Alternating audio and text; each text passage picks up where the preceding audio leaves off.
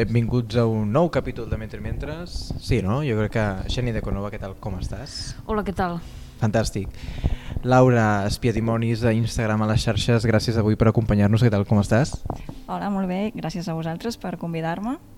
Això que en diem eh, mentre mentre d'estiu, simplement perquè justament fa massa calor i la calor a vegades ha fet que molts capítols ens hem fet també per Covid o pel que sigui terrasses i ara sí que les terrasses ens fregiríem Uh, avui tenim dos volums que la Xenia recentment, per dir-ho així, ha, traduït, després en parlarem també d'un tercer volum que serà la sorpresa del setembre, però abans volíem començar parlant d'aquest doble de Dostoyevsky i també d'aquestes traduccions del Franco Jara que s'han publicat en 1984 de poesia. Comencem, si voleu, pel doble. D'entrada, eh, podem entrar en criteris editorials, tu proposes uh, la traducció d'aquest volum a l'editorial, com va també aquest procés? Doncs mira, en aquest cas um, em va trucar el Toni Xumet de Quid Pro Quo, um, ja ens coneixíem perquè m'havia publicat una altra traducció a El Gall i, i ell volia, tenia moltes ganes de contribuir també a l'any Dostoyevsky, el bicentenari, publicant alguna obra que no s'hagués traduït abans al català. I llavors em, em va proposar a mi bueno, que, no directament que triés el llibre, però, però que, que li proposés diversos títols, no? I, I jo, la veritat, vaig tenir molt clar que, que volia fer el doble una mica per portar, per portar la contrària el, als estudis dostoyevskians més convencionals, perquè molta gent considera que és una obra fallida, eh, efectivament és una obra imperfecta en molts sentits, però bueno, també les imperfeccions de les obres literàries, mm, si estan escrites per grans escriptors, sempre donen molt de sí, no? I, i, i jo tenia ganes de, de fer aquesta obra juvenil, poc coneguda, però que ja en molts sentits, mm, en forma germinal, no? conté el que després serà el gran Dostoyevsky.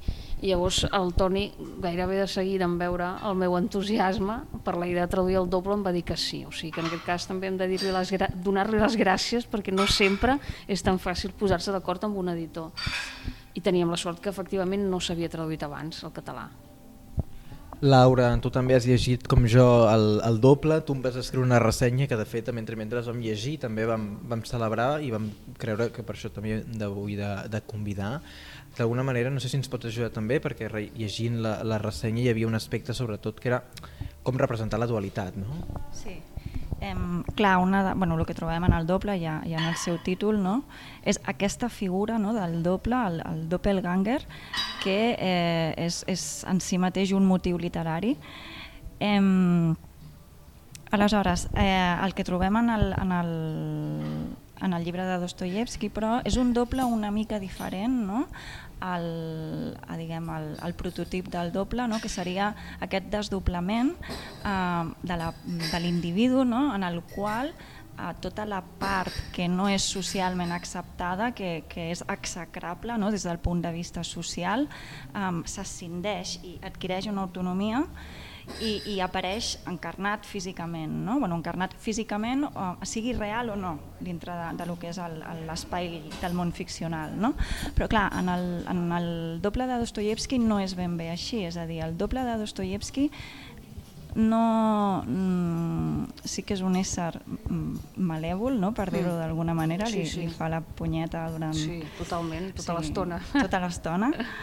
eh, ens angoixa, nosaltres ens angoixem amb el, amb el pobre Goliath King no? per, per la situació que està passant, però els trets del doble de, de Goliath King, el protagonista del doble, no són gaire diferents als que ell ja mostra um, no? en, la seva, en la seva personalitat. Sí, sí, en el fons aquest doble no, del senyor Golatkin, que és un oficinista, no, que és un, simplement un senyor com n'hi ha molts que treballa en una oficina i té un càrrec petit, no? i els trets d'aquest altre personatge idèntic a ell, que resulta que treballa a la mateixa oficina, eh, en el fons són els seus propis trets exagerats eh, i portats a l'extrem i, i fins i tot diríem que els seus pitjors trets, no? el, el, el seu inconscient, la, la part més, més baixa, més vil, eh, més desagradable del seu, del, del seu jo no? inconscient és la que és la que es plasma no? en la figura d'aquest doble que no sabem si és si l'hem d'entendre únicament com una al·lucinació no? de la ment malalta del protagonista o si l'hem d'entendre com una mena de personatge fantàstic que apareix dins d'una narració realista o si Dostoyevsky ja ho feia aposta deixant-nos la porta oberta a interpretar-ho de la manera que, que volguéssim, no? Sí, sí, i a més a més, jo crec que és molt curiós hi ha un detall que sempre em ve al cap quan penso en aquest llibre, no? quan la primera vegada, quan el senyor Golatkin descobreix que a la seva oficina hi ha un altre senyor idèntic a ell que treballa allà, el primer que es pregunta, o que pregunta així a, a tothom, és qui l'ha autoritzat a, a ser idèntic a mi? No? O sigui, es pregunta per la naturalesa burocràtica, administrativa del problema, no? del fenomen. No, no, no, no, no l'agafa un terror místic de ostres, aquest és igual que jo, què, què ha passat aquí? No, no és això, sinó qui l'ha autoritzat? Amb quina autoritat s'ha fet per poder ser idèntic a jo i treballar a la mateixa oficina. Llavors a mi això, per exemple, em fa pensar en la metamorfosi de Kafka, uh -huh. no? que al principi de tot el Gregor Samsa eh, es desperta convertit en un insecte terrorífic i el que li fa més, mm, bueno, no sé si por, però el que el preocupa més és que arribarà tard a l'oficina. Uh dius, com pot ser? No, hauries de tenir preocupacions més profundes, no? més existencials en aquest moment, però no, no, li fa, li fa angúnia arribar tard a l'oficina. Llavors és aquesta barreja no? de, d'un món modern, el món modern, no? que és un món ple d'imposicions laborals, burocràtiques, un món cada vegada menys humà, un món cada vegada més mecanitzat, no? que clar, en temps de Dostoyevsky encara no ho és tant com en el, a l'època de Kafka, però, però és el mateix procés no? que Dostoyevsky ja amb la seva perspicàcia intueix i que comença la seva època no? a mitjans del 19 i llavors en part jo crec que podríem interpretar aquest personatge i la seva reacció absurda no? de qui l'ha autoritzat, qui li ha donat permís com, com un símptoma no? d'aquest món on, on els valors humans desapareixen, queden substituïts pels valors administratius. No? Mm. Només importa qui li ha donat un paper signat que l'autoritza a ser idèntic al senyor Golatki. Només importa això. La humanitat, la individualitat, la, la identitat de cadascú no importa.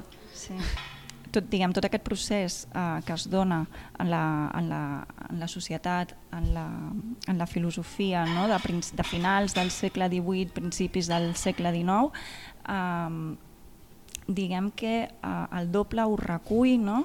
serveix com a encarnació d'aquest conflicte que neix en, en l'interior de l'individu, en el qual l'individu no, es veu dividit per una banda per lo que és el deure, no? i per l'altra banda per el que és eh, la inclinació pròpia de l'individu, no? o sigui, la, eh, la, seva subjectivitat, la seva subjectivitat, la seva unicitat, no? o sigui, ens trobem en una societat en la qual s'està unificant, és a dir, eh, s'ha reclamat la, la igualtat dels individus, no? però això els ha homogenitzat no? tots i justament el, el que s'està fent, no? el que produeix el, aquest procés d'il·lustració, no? aquesta evolució de la societat en aquell moment, és això, no? que eh, diguem, totes les diferències individuals queden relegades, o sigui, el que és l'individu no? queda relegat a un segon pla. El que importa és eh, allò que la societat espera de l'individu, com s'espera no? que l'individu es constitueixi i com, com es, que es comporti, vull dir, uh mhm. -huh i, i, bueno, i el, el doble encarna aquesta, aquesta escissió de l'individu, no? és a dir, tot allò que l'individu ha de deixar en un segon pla, ha de reprimir, no ha de fer visible la vida quotidiana perquè es pot considerar execrable, no? aleshores pren la forma d'una persona que és exactament la mateixa persona i, eh, i que es manifesta, no? o sigui, encara que sigui una il·lucinació com, com pot ser el cas de, del doble de Goliatkin o, o que pugui ser, ser físic. No? I aleshores aquest motiu no, que està tan lligat també amb el desenvolupament del gènere fantàstic. No? Vull dir, aquest procés també el trobaríem, per exemple, en, en els vampirs. Uh, sí, sí. No? O sigui, el, uh, Sí, o sigui, el, sempre hi ha aquest procés de desdoblament, no? o sigui, el doppelganger seria el doble, però el procés de desdoblament de l'individu dintre de la literatura fantàstica a mi em sembla que és, és algo que, que es troba més enllà del motiu del doble, no? pot ser els, els vampirs o altres éssers sinistres. No? I aquí ens trobem amb, amb el que tu dius, no? que fa Dostoyevsky, no? que um, un dels seus referents, a més de Gogol, uh, seria també Hoffman, Sí, sí, segur, segur. no? que sí, justament sí, sí. eh, amb el que comentàvem abans del tema de la, de la presència urbana, no? del, del, no? que trobem en, en la, o sigui, a l'escenari urbà en el qual es desenvolupa tota la història, eh, aquest escenari que és quotidià, que és normal, que no és un escenari eh, diguem, de por, no? i que, que justament també mm, va vinculat amb aquesta evolució de, del fantàstic gòtic al, al fantàstic eh, tradicional que inaugura Hoffman Mhm. i que justament té a veure amb això, amb situar um, un procés sobrenatural um, en un entorn totalment quotidià i justament no, d'aquí la, la, sinist els, la cosa sinistra, Sí, la cosa sí, sí, sí. ominosa d'aquest doble, no? Sí, sí, que és totalment. que s'agafa com amb, amb molta naturalitat, és a dir, no, ningú no s'espanta, ningú no es sorprèn de la igualtat, inclús ningú no la nota, la igualtat, no? Però... O, o la noten a poc a poc, no? Només La quan noten a- ell diu no quan ell sembla, diu. no us sembla que aquest senyor se m'assembla molt, que gairebé és Sí, sí, idèntic a sí. mi, i llavors és quan s'hi fixen, no? També és això. Aqu- És magnífic aquest detall, no? Que, que la gent ha perdut la capacitat d'observació, estan massa ocupats signant papers no? o fent les seves feinetes d'oficinistes, no? aquesta ofuscació del treball, jo crec que és una altra, es pot llegir també com una crítica del treball, si Sí. volem, no? o sigui que aquesta gent no tenen temps per viure, per veure, no? per observar, no, no, només estan signant Sí. papers i llavors eh, si, si, si la vida humana redueix això, doncs acaba malament, no? Sí.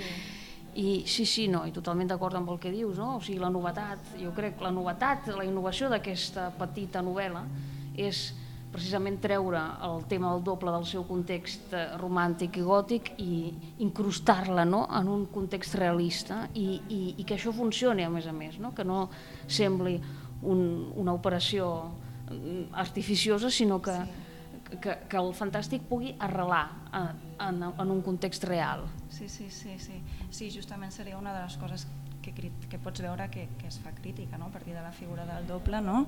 aquesta, a, a, aquest, aquesta, això, aquesta, aquest canficament de, de la vida de la gent en, aquesta, en la seva feina, en les seves coses d'oficina, no? és part de la crítica no? que podem trobar que es fa des de des d'una figura com aquesta. Clar, jo anava a complementar aquesta idea i jo et volia preguntar justament per aquesta dimensió de la ciutat, perquè amb el, amb el típic, abans hem dit, no, els estudis dostoevskians, vale, la ciutat, um, en quina dimensió s'utilitza en tant que representació la ciutat? És a dir, a què li serveix? Perquè també hi ha aquest, eh, i això m'agradaria també que ho posem no, en qüestió, fins a quin punt hi ha aquí, d'aquesta idea de la representació de la literatura també és sortir i veure què està passant en, en matèria lingüística, és a dir, aquesta idea que es diu, no? Dostoyevsky escrivia com la gent parla Mhm. i l- la construcció en el fons no deixa de ser la representació d'una dimensió de la realitat Sí. tipificada dins d'una estructura que és la novel·la. Sí, sí, sí. No, jo crec que, sí, comencem pel tema de ciutat, no? Um, és molt important que, que això, que la- no, l'acció del doble estigui ubicada a Sant Petersburg. Clar, no és un Sant Petersburg actual, perquè molts carrers, per exemple, han canviat de nom, vull dir que ara si els busques no els trobaràs o t'emportaràs alguna sorpresa, resultarà que el carrer que abans es de, o sigui que un nom de carrer ara ja no correspon a aquell carrer sinó a un altre. Però vaja, vull dir que al marge d'aquestes anècdotes sí que es pot, o sigui, si aconseguíssim un mapa no, del Sant Petersburg d'aquella època, podríem traçar perfectament l'itinerari que fa el senyor Goratkin quan corre de casa seva cap a l'oficina, quan corre de tornada, perquè a més a més tota l'estona està corrents, no? sempre està trafegat, no? aquest, aquest ritme febril de la narració també, no? que, que es transmet a través d'aquestes corredisses constants del personatge. Llavors, clar, això, eh, òbviament això en un, en un poble seria impossible per començar perquè en els pobles no, no hi havia oficines, no? o sigui, el fet que ell treballa en una oficina ja també el- l'arrela no? en un ambient urbà i, i concretament de Sant Petersburg, que és una ciutat dura de viure i una ciutat amb un clima difícil, una ciutat on no, no fa sol pràcticament mai o fa sol uns dies comptats durant l'any, llavors aquest ambient opressiu gris, no? de la grisor aquesta depriment de Sant Petersburg de molts dies de l'any està també fins i tot a la coberta del llibre, jo crec que és un encert que hagin combinat diferents matisos del gris, no? que pot ser pot ser un mal reclam publicitari, però és igual, perquè els grans llibres no necessiten ser reclams publicitaris, es defensen per si sols. No? En aquest cas és molt adequat perquè és l'ambient de la grisó opriment, no? depriment i opressiva del Sant Petersburg, a més a més a l'hivern i a la tardor, quan el fred, no? la, la falta de llum es nota especialment. Uh -huh. Uh -huh. I, I bueno, sí, um, això, bueno, els altres temes que, que sortien en la teva pregunta, no? potser ens portarien lluny no? de fins a quin punt mm, ara no sabria repetir exactament la teva pregunta, no? de fins a quin punt Dostoyevsky escriu, com la gent parla... En tant que representa no? la, la vida. Sí, sí, no, jo crec que fa una barreja un curiosa, o sigui, exagera alguns trets de la parla eh, pròpia de la gent de la seva època, o sigui, si hi ha aquest personatge quan està en un ball, per exemple, vol quedar com algú molt culte i comença a parlar d'una manera molt retorçada perquè pensa que així és com parla la gent realment culta, que així és com parlen els aristòcrates, clar, i ell no ho és, però voldria ser-ho, no? o vol quedar bé amb la societat aristocràtica, llavors comença a fer unes parrafades insuportables clar.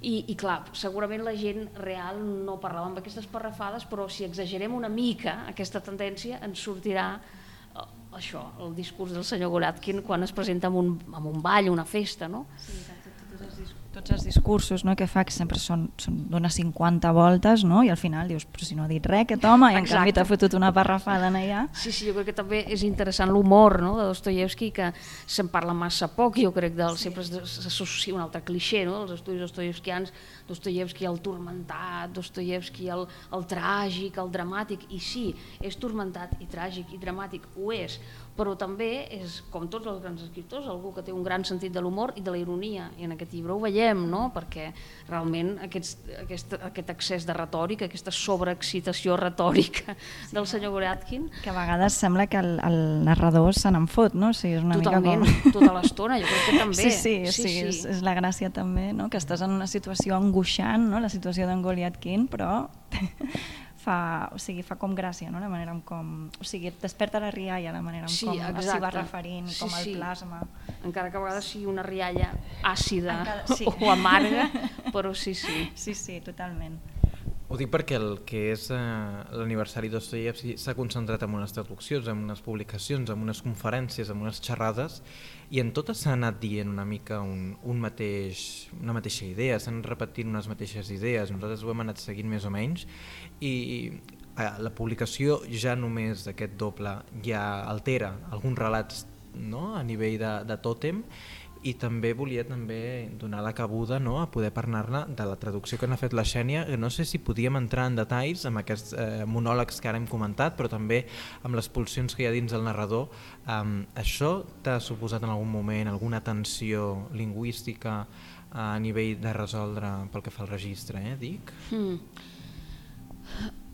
Bé, a, a mi recordo perfectament que una cosa que em feia patir és la repetició de moltes paraules, que això, clar, no només en Dostoyevsky, en general, uh mhm. -huh. en escriptors en llengua russa, eh, del segle XIX particularment, però alguns del XX també, hi ha una certa tendència a repetir paraules que en català mm, no hi és per la senzilla raó que el rus és una llengua amb flexió, és a dir, cada paraula té sis formes diferents, no hi ha sis casos, llavors si tu repeteixes una paraula, però clar, depenent de la funció sintàctica que té, no són exactament igual, té una terminació diferent, no? Uh mhm. -huh. Llavors ja no, el lector o l'oient ja no ho percep com una repetició molesta, no? com una cosa que es va repetint, sinó que cada vegada la paraula és una mica diferent uh mhm. -huh. i no, no molesta el lector, no, no està mal vist repetir, no està tan mal vist repetir paraules en rus per la senzilla raó que van variant de cas, no? i en cada posició sintàctica són diferents. En català, clar, no, no, hi ha, no hi ha flexió, cada paraula només té una forma, bueno, no? també hi ha variacions de gènere, de, de nombre, però, però vull dir, el substantiu, mm, doncs això, té singular i plural i prou. Llavors, si vas repetint cada vegada el mateix substantiu eh, fins a la societat, clar, la gent, com sempre, pot pensar, és el senyor Dostoyevsky que escriu malament. I efectivament, a vegades escriu malament, però volent, volent. Jo crec que és una, decisió a vegades deliberada, a vegades no, a vegades havia d'entregar no?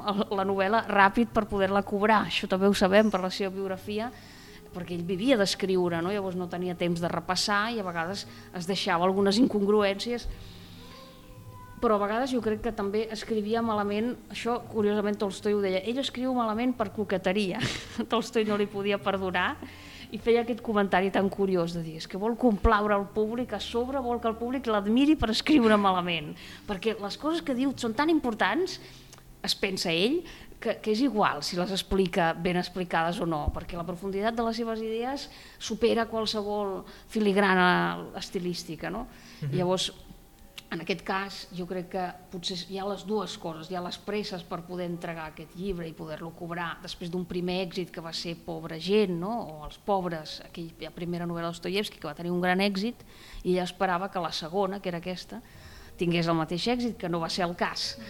Uh, llavors, per una banda, aquests elements de, no, de frases potser sense repassar, de, amb repeticions excessives, es deuen a aquestes presses. I en part, aquesta idea que, que és igual, l'important és aquest, aquest raig que és la història, no? que es va obrint pas i si es va obrint pas a través d'unes frases una mica descurades, és igual. Uh, I això, les repeticions em feien patir. Hi ha un capítol on repeteix com 50 vegades la paraula solemne i ho fa aposta perquè efectivament és una paròdia de Gogol, és una paròdia d'un passatge concret de les ànimes mortes que al seu torn era una paròdia del, del llenguatge solemne, ah. del llenguatge grandiloquent dels escriptors anteriors a Gogol.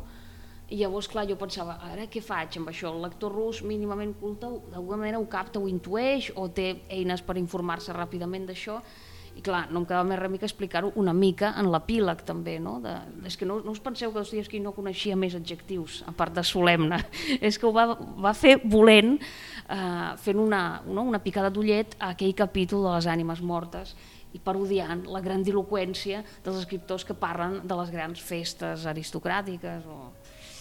Llavors això, això sí que em feia patir, no? El, uh mhm. -huh però vaja, i la sintaxi d'Ostoyevski, que és molt complicada, mm -hmm. hi ha frases molt llargues que algunes les he hagut de partir perquè si no jo patia per lector en català que no està acostumat a frases tan, tan llargues, no?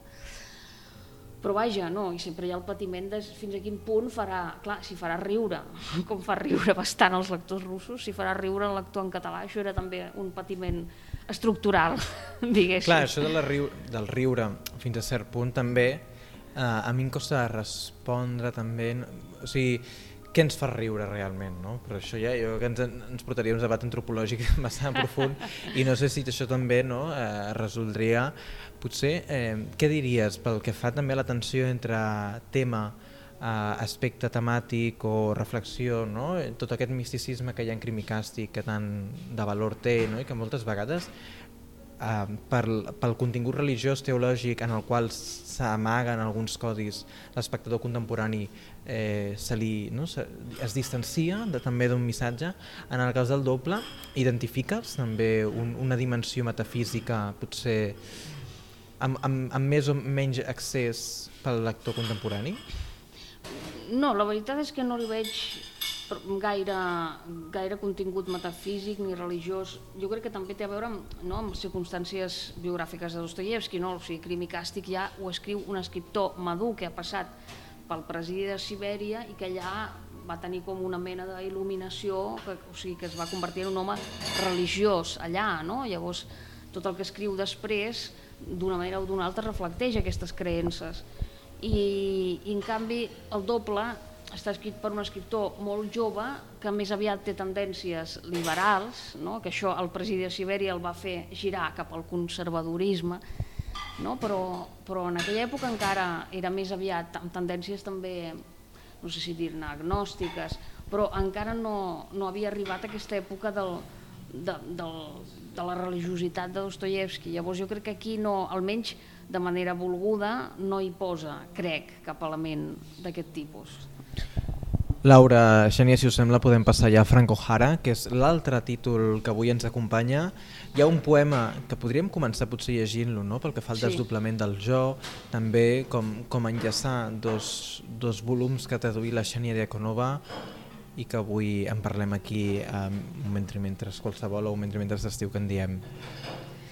Sí, és, reconec que potser és una mica eh, estrany no? enllaçar aquests dos llibres que teòricament no tenen res a veure. Bueno, L'únic que tenen a veure en, el, en la meva petita biografia de traductora és que tots dos són, o sigui, són títols triats per mi, per tant, puc dir per què, no? per, per què a mi m'agraden no? i per què vaig decidir triar-los. Mm, clar, en el, en el doble, eh, ho hem dit ara, no? que hi ha una barreja d'elements de, realistes i, i elements fantàstics, o que podem interpretar com a fantàstics. Uh mhm. -huh. En els poemes de l'hora de dinar de Franco Jara, que han publicat en 1984, hi ha una barreja també del, del realisme amb les vanguardes. No? És una mhm. barreja uh mhm. -huh. curiosa que potser el lector genèric no està preparat no? per, per, per entendre exactament de què es tracta, no? però, però sí que és un llibre d'avantguardes en el sentit que està escrit amb una enorme llibertat formal,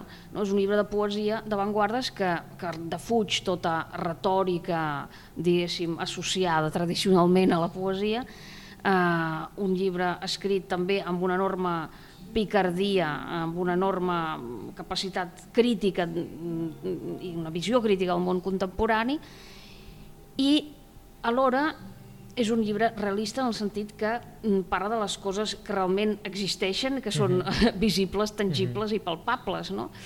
Uh, I no té, en principi, jo diria que tampoc no té elements uh, metafísics o uh -huh. religiosos com a tals, no? almenys. Uh -huh. Vaja, volgudament, però el poema que jo volia llegir eh, on es produeix una mena de desdoblament curiós del jo que parla o del nosaltres que parla fins i tot és un poema que es diu poema això és una altra part del, no, de l'estructura avantguardista del llibre que hi ha poemes que no, no tenen cap altre títol que simplement poema no? que dius, bueno, doncs sí, això és atrevit posar-li poema a un poema eh, doncs bé, un dels més curts que diu oi que seria divertit que el dit ens hagués dissenyat per cagar només un cop per setmana? Cada dia ens aniríem engreixant i diumenge al matí, mentre tothom és a missa, plaf! Plaf. És fabulós. L'altre dia vaig veure justament el plaf aquest exemplificat en un tuit, no? Plaf. Sí, sí, no, és que, és que és divertidíssim el poema, no? I, i clar, en aparença és tan senzillet, no? sembla una brometa i prou, però hi ha una mena de, de, de recurs desconcertant aquí, que és clar, oi, diu, oi que seria divertit que el dit ens hagués, el dit de Déu se suposa, no? el dit diví, perquè està posat en majúscula, el dit ens hagués dissenyat a nosaltres, no? a tots els humans, se suposa, per cagar només un cop per setmana. Per tant, fem, fem aquesta suposició que tots els, els humans estem dissenyats així i després diu cada dia ens aniríem engreixant i diumenge al matí, mentre tothom és a missa, però clar, qui és aquest tothom? No? Si, si nosaltres no... Si, clar, si nosaltres no.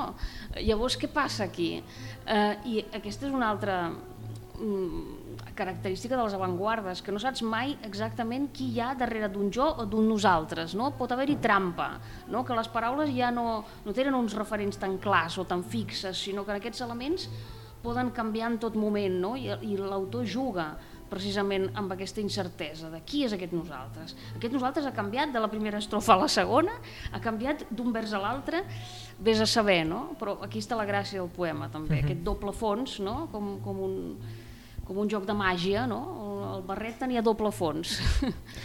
Quines són les característiques? Perquè ara ens has analitzat aquest poema. Sí. Uh, les característiques que d'alguna manera ens uh, corresponen aquí, com diu el Marcí Mateu també en, la, en el seu pròleg, ens el relacionen amb l'Ashbury, que també ara ha traduït la Miriam Cano.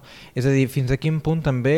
Uh, per què ens arriben ara també aquests poemes que també el Marcí Mateu havia traduït en el seu moment i, i fins a quin punt aquesta avantguarda connecta amb un imaginari que també no? podem desenvolupar, podem llegir ara també i no sé si també et vols animar a llegir-ne qualsevol d'altre. Sí, sí, potser de fet seria més fàcil llegir-ne algun altre i comentar-lo perquè clar, amb, amb la teva pregunta és molt, molt complexa i molt, molt vasta, no? perquè parla de, de, clar, de, de l'Ashbury també és un altre, és un, un poeta que forma part de la mateixa escola de Nova York, no? de la uh -huh. qual també formava part Kenneth Coke i altres grans poetes en llengua anglesa, i, i el que tenen en comú bàsicament és que formen part de la mateixa generació i que eren amics i que s'ajudaven mútuament no, a publicar. En el cas de l'Ohara, ell no tenia cap interès en publicar, ell simplement anava escrivint, vivia totalment en el present, no? el que passava a la seva vida després passava en els seus poemes, i un cop el poema estava acabat o ell el donava per més o menys acabat, perdia l'interès pel poema i no, no es preocupava per publicar-lo, sinó que buscava un altre pretext per fer-ne un altre. No? I, I llavors, mm, però després entre ells tampoc tenen tanta connexió no? eh, en les seves poètiques, almenys jo no, no li sé veure. No? Uh -huh. Potser sí, aquesta, aquesta, aquest uh -huh. caràcter de provisionalitat eh, no? que travessa la seva poesia, almenys la poesia Lohara, no? o sigui, tot el que passa en els seus poemes passa ara, en aquest moment, no? en el moment que tu estàs llegint el poema, i després potser o sigui, demà ja no serà vigent, mm, perquè ell parla d'això, de, de les experiències instantànies no? de cada moment. Per exemple, hi ha un poema que precisament comença parlant del cafè instantani, un altre que es diu poema, sense res més. Un cafè instantani, amb nata, un xic agre i una trucada al més enllà, que continua tan lluny com sempre. Ai, papa, vull passar molts dies borratxo, en la poesia d'un nou amic, la meva vida amb prou feina sostinguda per les mans vidents dels altres, les seves impossibilitats i les meves. És amor això, ara que ha mort per fi el primer amor, on d'impossibilitats no n'hi havia? Clar, tot el que hi ha aquí és un, un, com un cúmul no? de, mm, mm d'idees, mm, pensaments, records, sensacions que un pot tenir en el moment de fer-se un cafè instantani no? i potser tot, tot aquest conglomerat no? de sensacions, idees, etc. Mm, en aquell moment és molt important i, i, i Olohara crea crea el, el miratge no? d'estar fent el poema just en el moment quan té aquestes idees al cap. No? Segurament no va ser ben bé així, però ell ens fa creure que ell en aquest moment s'està prenent el cafè i està apuntant a raig tot el que pensa i el que sent sense preocupar-se per ordenar aquestes idees. No? I aquí està la gràcia, perquè clar, quan pensem tampoc ens preocupem perquè els nostres pensaments, no? els nostres somnis tinguin un subjecte i un predicat, no? i és aquesta capacitat d'enllaçar de, l'escriptura en la seva espontaneïtat, no? amb els amb els somnis, amb la lògica del pensament que, que se'ns escapa no? a la majoria dels humans, és això el que a mi m'atreu i m'agrada també en la poesia de l'Ohara. I ho podríem enllaçar, si volguéssim, amb, amb Dostoyevsky perquè en el doble també hi ha, potser en forma germinal, eh, el, el monòleg interior, no? hi ha moments en què el protagonista pensa en veu alta -huh. o, o, o el Dostoyevsky ens fa creure no? que, que estem assistint al, a la producció del seu pensament no? en el seu cap i, i són idees que estan desordenades i que, i que ell no es preocupa per ordenar-les, òbviament, però precisament aquest desordre les fa vives. No? Déu-n'hi-do, déu nhi déu Les connexions al final han estat més... Eh, també hi havia la dimensió urbana en sí. aquests poemes sí. pel, pel que deies abans, no? la idea aquesta de passejar en, en espais uh, concretament, no? en MoMA, per exemple, Exacte, que hi hagi espais sí. Sí, sí, tipificats. El, sí, sí, clar, en el cas de, del doble la ciutat és Sant Petersburg, en el cas del, dels poemes de l'hora de dinar és Nova York, no? és un llibre realment molt arrelat a Nova York, tots els topònims es poden trobar i resseguir el mapa, eh, efectivament no? l'excusa que posa Franco Jara per adjuntar aquests poemes en un sol llibre és que estaven concebuts a l'hora de dinar. Ell treballava al MoMA, al Museu de l'Art Modern, i només tenia doncs, la pausa de l'hora de dinar i durant aquella pausa sortia a passejar, a, a, a mirar el món i d'aquelles observacions que només tenien doncs, una mitja hora de durada una hora com a molt, naixien aquests poemes no? tan frescos i tan provisionals com és una impressió vista al carrer no? durant un minut quan només tens mitja hora per dinar. No? Aquesta, també aquest ritme trepidant de la ciutat, no? que en Dostoyevsky també el veiem no? a través d'aquests personatges que corren perquè sempre arriben tard, doncs el ritme trepidant de Nova York també el sentim darrere dels poemes de l'Ohara. Uh mhm. -huh. Avui... Sí, Digues bueno, ara que tornava a sortir el tema aquest de, de la urbanitat, per què el doble es diu poema de, Sant Pet bueno, poema de Petersburg? Sí, veus, és una bona pregunta, perquè poema, pels escriptors russos del 19, era una manera com de donar-li més categoria al llibre que escrivien. Les ànimes mortes de Gogol també és un poema, segons el seu autor. Clar, també perquè la, paraula, la mateixa paraula mm, tal qual, poema en rus, vol dir més aviat un poema èpic, un poema llarg, llavors, clar, no és un poema curt com els de l'Ojara, sinó que és un poema eh, com pot ser l'Odissea, un poema on el qual passen moltes coses. Llavors, quan un novel·lista li posa poema al seu, a la seva novel·la, és una manera de dir, mireu, això no és una novel·leta qualsevol, això té tanta importància com un poema èpic, això té la seva grandesa, per tant ho heu de respectar és un codi eh, que aquí potser costa d'entendre però que el 19 rus era això. Uh -huh. sí, lliga bastant no? després també amb com es refereix a Dostoyevsky al, a Goliatkin, no? l'heroi de la nostra història, no? que va dient sí, diverses vegades sí, sí, es refereix sí. com l'heroi de la nostra història. Bueno, no sé si tu tries heroi o protagonista. Sí, de tant en tant, no? sí, vaig canviant, em sembla, sí, perquè clar, en rus la paraula és la paraula, la mateixa paraula heroi i protagonista és la mateixa paraula, no? Llavors mm. jo a vegades potser mm, quan em encaixa més en el to de la frase trio una o altra, però sí que és l'heroi, eh, perquè encara que sigui un antiheroi, no? és un sí. personatge molt insuls en si mateix i el, el que el fa extraordinari és que tingui un doble, no? això és increïble, en si mateix no té res d'extraordinari, però aquesta eh, aquest desdoblament el fa sortir de la grisó, uh -huh. almenys als nostres ulls. Sí, sí, sí. No, justament estava pensant no? com això també es podia vincular amb certes uh, poètiques que s'estan elaborant uh, de forma contemporània, justament tu ets poeta, eh, Xènia, i també no sé si en, en elaboració de poesia, si fas com l'altre dia ens deia el Narcís Comadira, no? que de tant en tant va escrivint i si això algun dia és un llibre ja el publicarem. Sí, sí, no, jo funciono bastant així, eh, o sigui, és anar, anar fent poemes potser amb un cert to comú, això sí, o moguts per una mena de estat anímic o mental sostingut no? durant un temps i després veure si aquests poemes poden formar un cos viu, no? convertit en llibre, o no, o, o si s'ha de fer una tria més rigorosa perquè el cos sigui més creïble. No? Al Ciutat Maragda crec que va sortir la reflexió respecte també al programa que fèieu justament de l'Ojara i algú et preguntava si havies imitat o havies escrit a partir de i crec que la teva resposta era sí, justament, no? Eh, com ho deies això, he treballat amb idees similars o... Sí, sí, no, realment, o sigui, sovint quan tradueixo, o quasi sempre, quan tradueixo poesia ho faig una mica també amb finalitats egocèntriques, no? de dir, ostres, ara què puc agafar d'aquí, no? què puc plagiar? Jo sempre faig servir aquesta paraula. La idea del plagi. Sí, sí, sí, la, bueno, perquè clar, ja es diu això, no? que tot el que no és plagi és tradició, i, i les avantguardes també són tradició, no? llavors sí, a mi el que m'interessa traduir poesia, sigui la poesia de l'Ojara o d'una altra, és eh, com, com em pot alimentar a mi, no? eh, o sigui, de quina manera això em pot donar idees o em pot obrir portes pel que escric jo.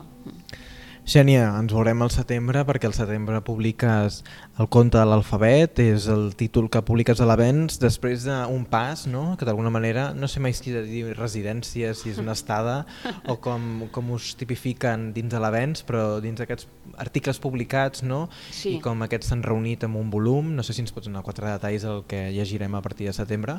Sí, sí, és un llibre que es dirà El conte de l'alfabet, que efectivament està fet a partir d'articles que jo anava publicant cada mes, menys un mes de vacances a l'estiu eh, l'any passat, a l'Avens, que va ser una oportunitat fantàstica que els agraeixo molt, que em van donar perquè jo tenia ganes de provar alguna mena de prosa autobiogràfica, però no massa, ma non troppo, no?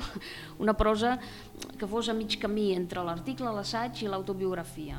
Jo tenia, tenia ganes de provar-ho i ells, justament en el moment en què jo estava buscant un estímul per posar-m'hi, em, em van donar aquesta uh, oportunitat, no? me la van oferir ells, i llavors um, amb l'excusa de d'explicar al lector les 33 lletres de l'alfabet cirílic i vincular una paraula a cada lletra, una paraula russa, que jo explico, no? que jo transcric, explico què significa, i cada paraula mm, porta també doncs, associat un record, una idea o una sèrie d'idees i records que, mm, que no, en realitat no són tant mm, històries de la meva vida com històries de, de la vida russa, de la cultura russa, clar, passades a través de les meves petites experiències personals per donar més, més vida no? al, al recull, que no sigui simplement com, un, com uns articles de Wikipedia, sinó que són doncs, fenòmens de la cultura russa o, o llibres importants de la cultura russa o, o personalitats que a mi personalment m'han marcat, encara que no siguin molt conegudes aquí, mm -hmm. que jo barrejo en aquest llibre, que és com un calaix de sastre